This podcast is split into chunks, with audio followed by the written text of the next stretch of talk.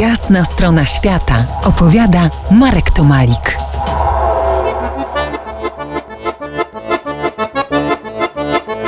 Podróżujemy dziś po rumuńskiej części dawnej, historycznej Bukowiny. Na samochód warto zapakować rower, bo to chyba najbardziej przyjazny człowiekowi środek komunikacji do poruszania się po archipelagu malowanych klasztorów. A cóż to takiego jest?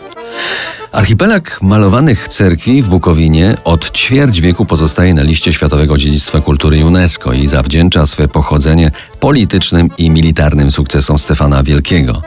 Stefan nie był królem, ale powiedzmy odpowiednikiem naszego księcia. Był gospodarem. Dziś ten najmocniejszy z gospodarów mołdawskich dumnie patrzy z pomników w tutejszych miasteczkach i wydaje się być przekonanym, że zrobił wszystko, co było w jego mocy, walcząc o suwerenność swego państwa, gromiąc Turków i Polaków nie jeden raz. Musiały to być zwycięstwa spektakularne, bo oprócz sławy i pieniędzy zaskarbiły Stefanowi względy nieba. Co znaczy ni mniej, ni więcej, że prawosławna cerkiew za życie według Ewangelii ogłosiła Stefana Wielkiego świętym. No ale przecież świętość kosztuje. Stefan chciał albo musiał za te zaszczyty być hojnym i ufundował kilkadziesiąt warownych klasztorów i świątyń. Warownych, czyli praktycznych, ponieważ Turcja i Polska nie pozwalały mołdawskim książętom na budowanie twierdz i obronnych zamków. W czasie oblężeń za solidnymi murami chronili się tutaj miejscowi i często z pomocą wojska próbowali odpierać ataki najeźdźców. Cerkwie są niewielkie i nawet w czasach historycznych podczas nabożeństw mogły pomieścić w środku jedynie duchownych i tych lepiej urodzonych. Reszta ludu stała na zewnątrz pod solidnymi okapami.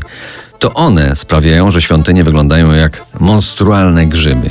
Malowidła wewnętrzne, tworzone według określonych reguł, są piękne i bogate i choć zniszczone od dymu świec, tworzą z ikonostasem niesamowite sakrum. Sakrum, którego na próżno będziemy szukać w naszych kościołach.